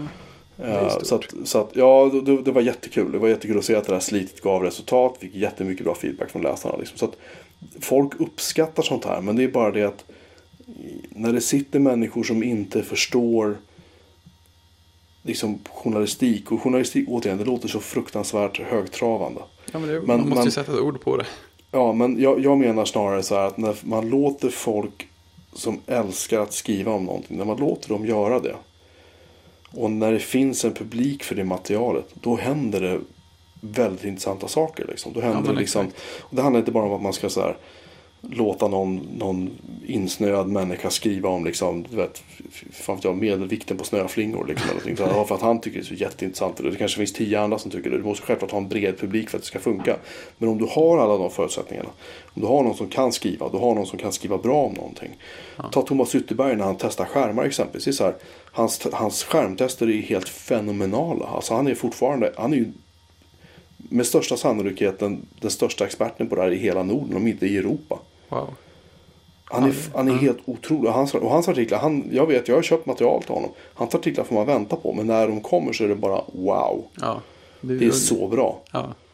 Eh, och en sån, en sån kille, liksom, om han inte har en arena, arena att skriva på, då går vi miste om allt det här materialet. ja, men det är det. Alla, det blir en fattigare, en fattigare värld av det. Ja, så, och, och, det, och det här gäller ju många andra också. Det gäller oavsett om de skriver om datorer om de skriver om poesi. Jag har ingen aning liksom. Men, men det handlar ju om att, att, att medier får inte kosta. Men en stor anledning till att jag tröttnade på att jobba med tidningar var att mantrat till slut blev att det skulle vara snyggt som fan, sälja jättebra, vara klart igår och inte kosta någonting att göra. Mm. Inte för att det var officiellt så, men det var liksom Nej, underförstått. men det- Köpa, en det- omslags, köpa en omslagsbild för 4 000, det var nej, nej, nej, nej, nej. Nej. Och då kände jag bara att nej, men okej, bra. Men det faktiskt finns inget som drar åt rätt håll här längre. Nej, därför, därför att Alltså när man gör en kommersiell medieprodukt så är det en produkt. Man får aldrig glömma det. Nej, Och det, och det, och det är som sagt, sen kan man, sen kan man gömma sig bakom pressstöd och gömma sig bakom, vad vet jag, väldigt högtravande ambitioner och allting och, och skylla allting på alla andra när man inte lyckas. Det är väl en sak så. Men vad jag menar är att, att om man har, en, som jag sa tidigare, om man har en publik och om man kan skriva, om man kan sitt ämne. Så är det synd och skam om man inte får komma ut med det. Jag kommer ut med det via den här bloggen som jag driver. Mm. Eller en av bloggarna, men det är, det är väl Macro framförallt. Eh, och jag gör det därför att jag tycker att det är kul att skriva. Jag vet att folk uppskattar det jag skriver. Bara Ja, förra veckan träffade jag två pers- tre personer. Som bara spontant. Jag var upp, dels på den här kursen så var jag på lite andra möten och så. Ja. Och de var så här, ja men ja, jag går en Mac-prov, jag läser din blogg. Och Oj, då blir det så, oj vad kul liksom. ja, visst det är helt magiskt. Och alla tror att jag tjänar jättemycket pengar på det men det gör jag Jag tjänar inte en Nej. spänn på det. Nej. Inte en krona. Jag gör det bara för att det är kul. Ja. Ehm, och det är, en, det är en stark drivkraft så, så stor som någon annan. Men det krävs ju att man, har, att man ändå överlever ekonomiskt. Liksom, ja, men det är ju det. Alltså, Genom att jobba va. Ungefär som när du gör ju podcast nu. Eller någon av dina andra 700 000 podcast du gör. Du tjänar inte en spänn på det. Men det Nej. ger ju på andra sätt. ja, men, om ja, man- men precis. Och just den här känslan som, som vi pratade om inledningsvis. att Vi får så här tweets, vi får mail från folk. Vi får så här uppskattning. Man blir så här. Alltså det känns ju jättebra. Ja, men det är känns, det. Det är det en väldigt varm skön känsla. Och visst, hade vi kunnat få in lite annonspengar på det här. Ingen hade varit gladare än jag. Nej, men det är Ja, möj- ja, möjligtvis du. Men framförallt, men framförallt jag, för jag behöver köpa en ny Mac. Så ge mig alla Ja, pengar. Nej, men alltså, vad jag menar bara är att hade det, hade det funnits så hade det varit jättekul så. Men det får, inte, det får inte bli en situation där man gör saker och ting bara för att tillfredsställa en annonsör. Eller, och, och med det menar jag att driva så mycket trafik som möjligt. Nej, men precis. Och trafik, oavsett egentligen vad du gör, om det är i ett konstgalleri, en dagstidning eller en podcast, det, det växer organiskt och det växer det, får ta den, det måste få ta den tid det tar. Klart man kan hålla på tio år med ett kommersiellt projekt och bara gå back i det, det förstår jag också. Men det måste få ta en viss tid. Ja, men precis. Och man, kan, man kan jobba för det på en massa olika sätt. Men just att ge, alltså bara försöka vet inte, frammana det, framtvinga det eller genom att förändra det man gör på, så att det blir sämre. Det, Nej men jag, jag jobbade med, med en, en människa som var marknadschef som hans största överty, övertygelse var om att eh, allt man gjorde skulle ut i sociala kanaler direkt, helst fyra gånger om dagen. mm. Och om man hade specialerbjudande på någonting så skulle man helst skicka ut det två gånger om dagen, sju dagar i veckan. Ja, just det. För det är ju skönast om folk slutar lyssna. Och även, ja, och även när folk kom och sa nej, nu får ni sluta spamma mig. Mm. Mitt Twitterflöde är fullt av era liksom, annonser och vad det var. Mm. Så var det bara, nej, nej, nej, det, det, det är bara att köra, det är bara att köra. Liksom, det ska bara ut. Och det, och det är liksom klassiska klyschan, kvantitet slår inte kvalitet, så är Nej. det. Nej, men precis. Jag skriver hellre tre bra texter än tio dåliga. Ja. Det är ju det där också. Alltså, som alla, det, det finns så mycket kul och djuplodande och så här, eftertänksamma saker man kan göra. Om man har något annat som, som gör att man har råd att lägga tiden. Ja, absolut. Det är lite, absolut. det är lite alltså på, på ett sätt är det ju lite tråkigt.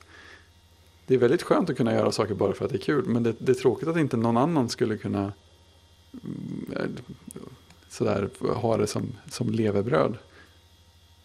Annat än Ja, det. jag menar, visst, vi har ju pratat om det. Jag var uppe, och, jag var uppe och, hos Apple för kan det vara två månader sedan och pratade. Och, och de sa så här, "Ja, men varför kör du inte Macpro på heltid för? Mm. Lätt för dem att säga. Och, och, och jag var så här, ja visst om ni annonserar så varsågod. Ja, Lite grann så. För att, för att det, det är liksom, det hade, det hade varit jättekul. ja visst. Det hade var varit min dröm att få göra det. Jag har, ju, jag har ju i princip gjort det på heltid en period när jag körde egen firma. Ja, Och konsultade. Och då kunde jag ju faktiskt sitta och skriva. Och det, det tror jag märktes i texterna att jag skrev mycket, mycket fler och mycket längre texter då. Ja. Och det var, väldigt, det var en väldigt kul period i mitt liv liksom. ja, just det. Eh, Men det är ju som allting annat, liksom, pengarna måste in. Ja, och det är och ju det var ganska stressigt till slut. liksom. Ja, ja, men det var ju fortfarande inte Macro som drog in pengarna på det sättet. va? Nej, alltså det var kanske några tusenlappar i månaden i annonspengar då. Det Ja. fanns ju liksom inga pengar i det. Nej. Och nu finns det ju, det, alltså jag har ju prövat nu igen en vända med att köra lite trade och lite så här annonsnätverk och det ger ingenting. Och det Nej. menar jag verkligen ingenting. Nej, Eh, det jag, jag som- försökte ansluta mig till de här, eh, vad heter de? Jag kommer inte ihåg, det är ett annat svenskt annonsnätverk. Det är ungefär som Trade W fast det är uh, Tailsweep heter de just nu. Ja, jag känner namnet. Och där blev jag godkänd och sen så helt plötsligt så väntar jag på att ja men bra. Ge mig lite kod som jag kan pasta in så jag kan börja liksom visa annonser då. Och då fick jag bara ett mejl nej men du passar inte in i vårt nätverk liksom. Så, Nej. nej, nej, nej. Okej. Nej, det känns som att det, det är ett specialfall eller väldigt, väldigt stora sidor som det kan funka. Absolut, men Feber använder de och, och eh, Array, jättebra Mm. sajt använder de också. Och, men då, då är det liksom, då är det liksom 10-20 gånger, 30-40 gånger mer trafik än vad jag har. Och då är Ja, det mycket, precis. mycket, i- i alla fall i Febers fall, väldigt mycket snabbare artiklar, stora bilder, inte så mycket text. Ehm, Men de har trafik och de tjänar pengar liksom. Så Ja. det är kul för dem. Så, de Ja, har ju men det- verkligen lyckats med sin grej. Och det är full respekt. Men det är inte den grejen jag vill göra. Nej men precis. Man kan tycka att det borde finnas utrymme för den grejen också. Det Någonstans. borde finnas Ja. utrymme för båda. Men återigen, det är så här. Om man vill, om man vill ägna sig åt att göra någonting på ett lite mer egensinnigt sätt om man säger så. Då. Mm. Det är väl kanske milt uttryckt i mitt fall i alla fall. men, Det är Om man- ger, om man- ger en stil på det också. om, man, om man vill ha en lite mer personlig stil och kanske en egen stil. Och det är återigen, det är ju bara att titta på. Menar, många, många har, och det, det, här, det här är ingenting som jag på något sätt svänger med mig själv. Jag vill bara slänga in den parentesen. Jag har blivit kallad för Sveriges John Gruber många gånger. Mm. Eh, Och det är verkligen ingenting som jag överhuvudtaget har tänkt. Och jag har definitivt inga planer på att se mig som det. Jag har aldrig gjort det och kommer aldrig göra det heller. Ehm, att hans sajt och min sajt liknar varandra. Dels för att jag gillar just det här linkformatet. Men sen att jag har min röst och han har sin röst. Och vi är ganska, vi är ganska lika ibland när vi skriver har jag märkt. Det, Ja, det, är, det det, det, har bara blivit så. I alla Ja. fall mitt fall har det bara blivit så. Jag tror inte att han, att han har läst mina prylar.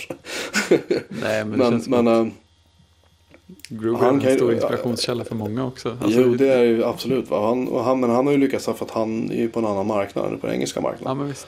Det är Många som har föreslagit att jag skulle börja skriva på engelska också. Och jag har sagt bara, nej men alltså jag har min, jag har min svenska publik. Ja men precis, det är Så ju jag det. kastar bort den för det. Liksom. Jag visste, jag har ju prövat att branda om sajten och göra den bredare och döpa om den till andra saker. Jag har ju prövat allt möjligt liksom. Ja. Och det, är inget, det enda folk vill ha är Mac. Ja, De vill men inte ha. Det är ju det. De har ju hittat sin, sin stil och röst också.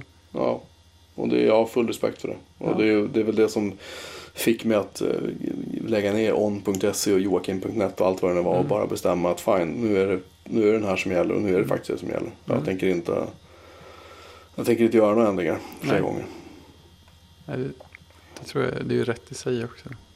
Men det, är som, men det är som sagt, jag menar, jag, jag är så här, jag skulle fortfarande vilja köra stora tävlingar och ge bort saker till, till de som läser Macprov. Det, det är svårare nu för tiden för det finns inte så många företag med PR-avdelningar längre som man kan ringa och säga tja kan ni skicka över tre skrivare? Nej. Det gick för några år sedan, det var inga Ja. problem.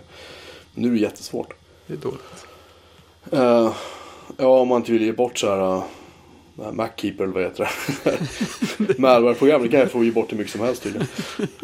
Eh, jag, har men fa- schysst fa- jag, har faktiskt, jag har faktiskt fått erbjudande från det. Men jag, jag, har, jag, gick på den, jag gick på den en gång för några år sedan, men Mm. inte, inte nu längre. Men nej, absolut. Min, min, det jag jobbar med nu och det jag drömmer om att jobba med, det är inte alls samma sak. Men liksom, det betyder inte att det ena utesluter det andra. Så jag Nej. kan fortfarande göra Macworld, eller Mac Pro menar jag, förlåt. Ja, Men, men jag, jag behöver ju inte um, jag behöver ju inte ha det som levebröd. Jag kan ju inte ha det som levebröd. Nej. Tyvärr. nej, precis. Det, det skulle ju säkert också förändra hur det kändes att skriva för Macro. Om det plötsligt var liksom levebröd så skulle det vara en annan sak än det nu. Eh, jag, jag skulle definitivt kunna skriva mer. Ja, Och jag tror, men jag tror inte att min stil nödvändigtvis skulle förändras. Därför att det är ändå den stilen som har gjort att jag har den publik jag har. Liksom. ja, ja absolut. Men det skulle säkert Ja. ändras på något sätt. Det, jag vet inte, om, det kan man säkert inte förutse heller. Men jag kan tänka mig om man, om man skulle jämföra så här före, eh, direkt efter så ett år, två år. Det skulle, säkert vara, det skulle säkert vara tydliga skillnader.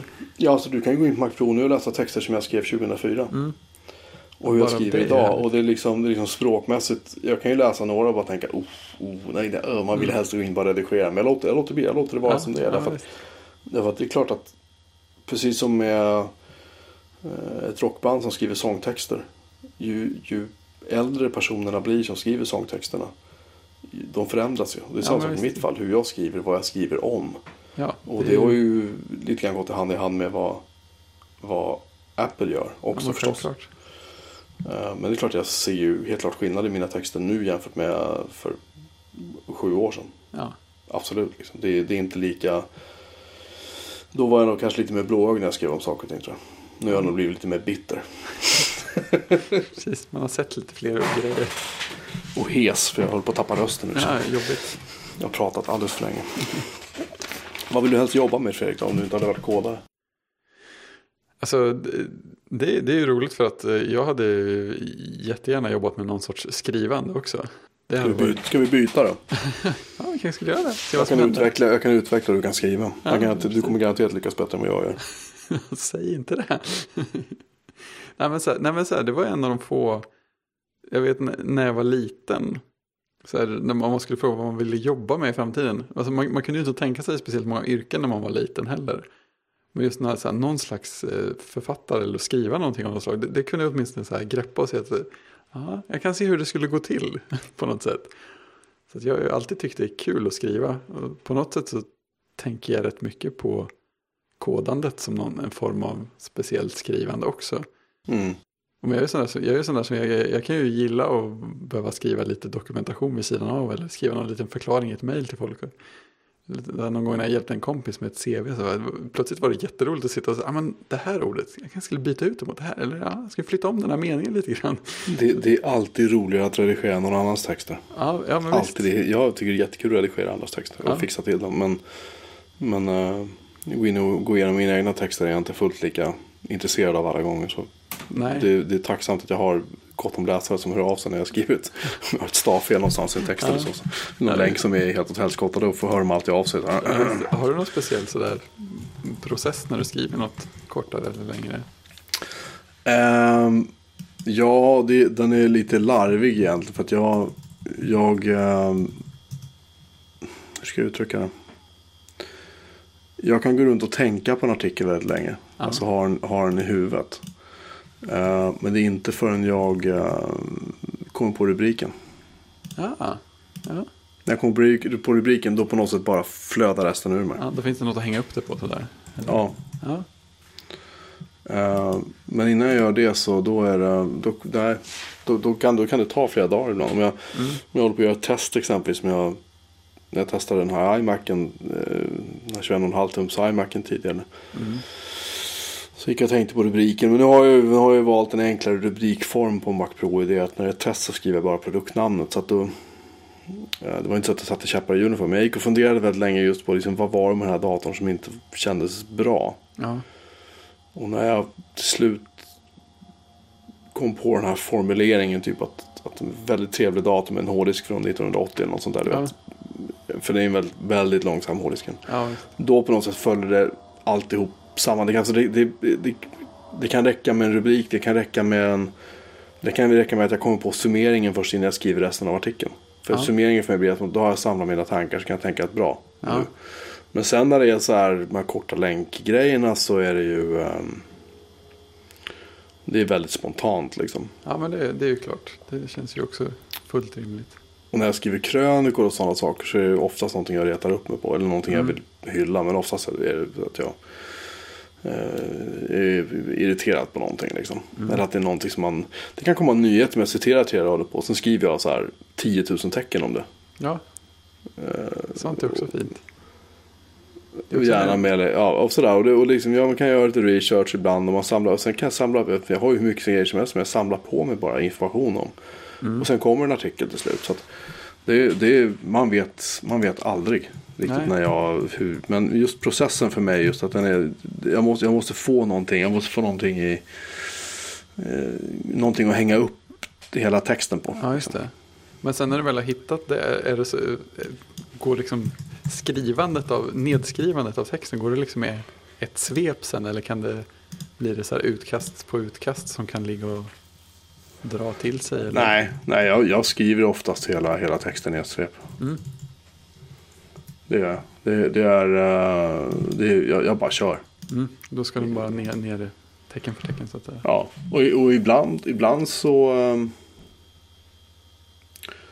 ibland så ibland sparar jag för att jag inte hinner skriva färdigt på något så. Det kan vara så. Men, Ja, men ibland när jag får en idé 11 på kvällen, då skriver jag till ett på morgonen. Och sen postar jag den direkt. Det är inte så heller att jag liksom så här, nej men jag ska sitta och hålla på den här tills det är liksom flest personer som läser nej, just det. sajten. Och så, nej, nej, Sån nej, optimering, nej, nej. Nej. Ut med skiten på en gång bara. Folk hittar den i alla fall. Ja, Liksom. precis. det, det finns ju RSS som ja, ja. folk Nej, så att jag- om sidan.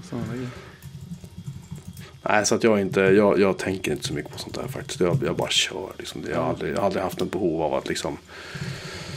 Det var, nå- det var någonting jag märkte att, att i takt med att jag fortsatte skriva Mac Pro mer och mer och mer så var det så här, ju högre upp på Googles index kom jag och till slut så såg jag att om man söker på ordet Mac Pro i ett ord och som sajten heter, då kommer jag före Apple. Ja. Sökte jag på Mac Pro där det stod Mac mellanslag Pro så kom jag ändå före Apple. Ja. I, Google, I Googles svenska index. Ja, man... Vilket var, vilket var jättekul. Jag fick ett mail från en här sökmotoroptimerare som sa Hej, vi kan hjälpa din sajt att komma högre upp i Googles index. Nej, det Så jag kan... tog, nej, jag tog en skärmdump och skickade tillbaka på honom och så sa jag bara högre än det här. Han hörde aldrig av sig. det var det vettigaste han hade gjort. ja, ungefär så. De har lyckats ganska bra tycker jag. Det visar, visar också sådär att det lönar sig att liksom, ja, men jag, jag skriver de här grejerna jag vill på det sättet jag vill och så lägger jag de här på det sättet jag vill. Google hittar sånt. Ja, de gör ju det. Det, det märks och det går, då springer någon på en grej man skrev för några år sedan och så plötsligt hör någon av sig om något konstigt. Det har till och med hänt på min gamla, min gamla webbsida. Så här. Skrev några gånger om lagom, eh, lagom udda gamla spel. Någon variant, Ja, Jeff Waynes The War of the Worlds. Det var ett sånt här märkligt eh, strategispel, realtidsstrategi-hybrid. Som var ganska buggig och så, men den var ganska fräck i stilen. Den, den skrev jag lite grejer om på, på en gammal upplaga av min hemsida. Och sen någon gång ibland så trill, trillar det in någon som oh, jag, jag hittade den här sidan om War of the Worlds. Ja, oh, häftigt. Eller så här, här är en annan sida om det. Ja, okej, det var ju det var inte igår det spelet kom. Och så jag skrev lite om en robotdinosaurie som heter Pleo för några år sedan. Och det är också så här tillräckligt exotiskt för att någon, någon dök in typ i, höstas och så här. Ja, jag hittade den här. Där skrev om eh, det här filformatet för ljudfilerna som man kan få ur Pleon. Får jag länka det? ja, okej då. Så det, det, är- det är väldigt kul att liksom ha skrivit saker och lagt dem så där så att de går att hitta. Ja, alltså jag är förvånad. Jag tittar på liksom min intrafik liksom till, till sajten så är det ju säkert 30 procent av fortfarande så texter som jag skrev liksom för typ så här, så här börjar så här gör en podcast med en Mac. En sån guide Ja. jag skrev. Och det är så här, än idag Ja, har jag skitmycket trafik till den. ja, Eh, Även om jag är rätt övertygad om att en del av de här produkterna som listas där i går nog inte att köpa längre ens en gång. Liksom. nej, nej, det var någon, någon sida om eh, utveckling på Mac. Som precis har återupplivats. Ja, precis. Ja, jag skrev ja. om den också. Ja, ja, ja det, var, det, det, var, det var din länk jag följde kanske. Men han, Ja. han skrev i sin, i sin första nya post där att han hade ju lagt in jag tror han hade lagt in någon slags varningsbanner på sina riktigt gamla programmeringstexter. Alltså för han, han vill ju inte heller ändra dem eller ta bort dem för att folk kommer Nej. in och hittar dem. Och man vill ju att grejen ska vara kvar men bara en sån varning att obs, det här är väldigt gammal information om saker som utvecklas ganska fort. typ. Jag, jag, jag kan titta nu. Här exempelvis. Idag har den här Så gör du en egen podcast med din Mac. Bara idag Mm.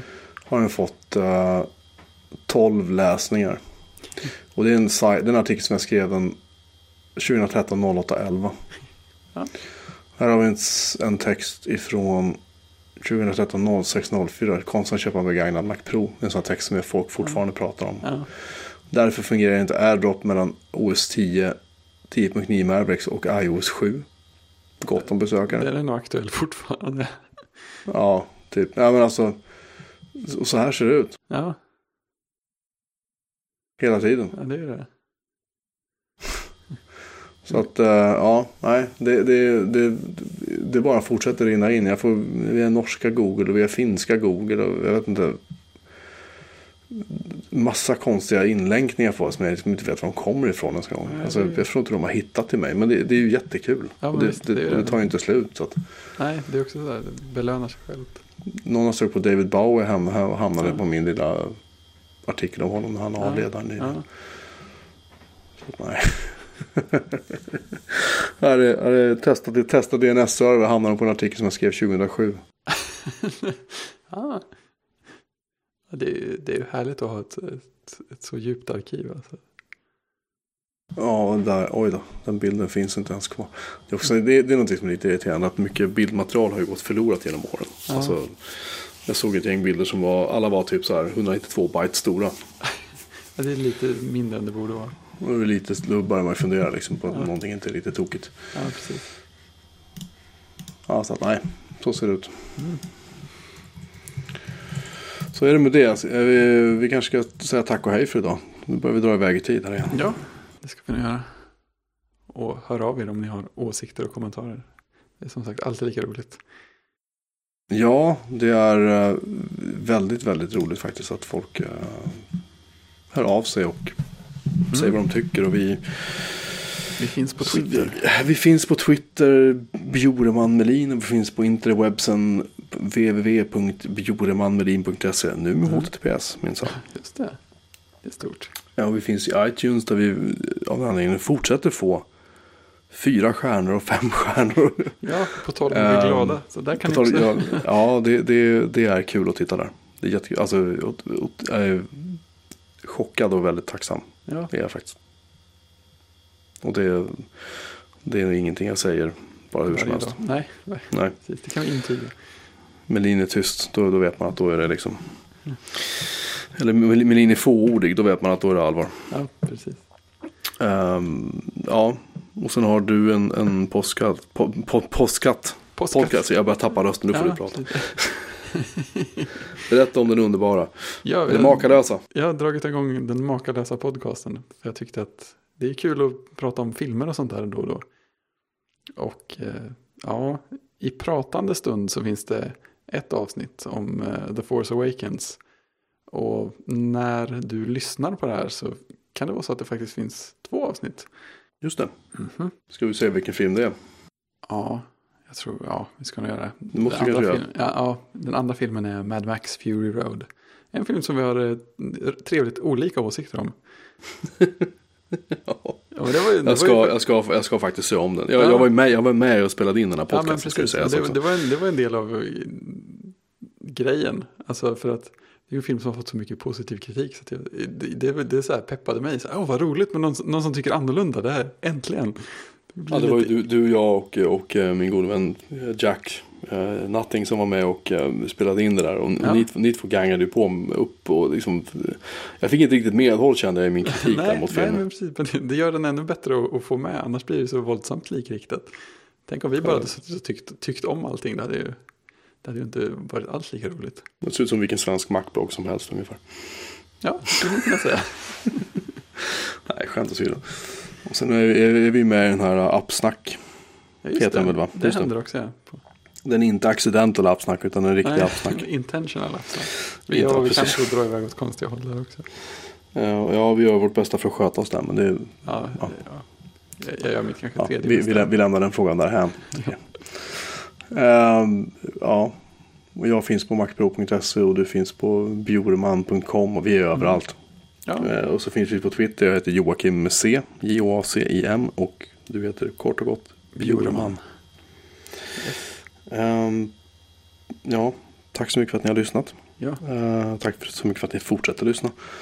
Eh, sponsorer, hör av er. precis. Undrar vad det skulle vara. Jag är jättenyfiken.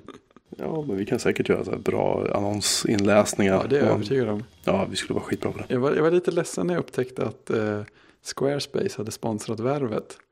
För Nej, jag tänkte, jo, de har gjort det. Så jag tänkte så här Jaha. länge att det hade varit jätteroligt att få göra en så här direkt översättning av alla de här, hur de amerikanska poddarna brukade läsa om Squarespace.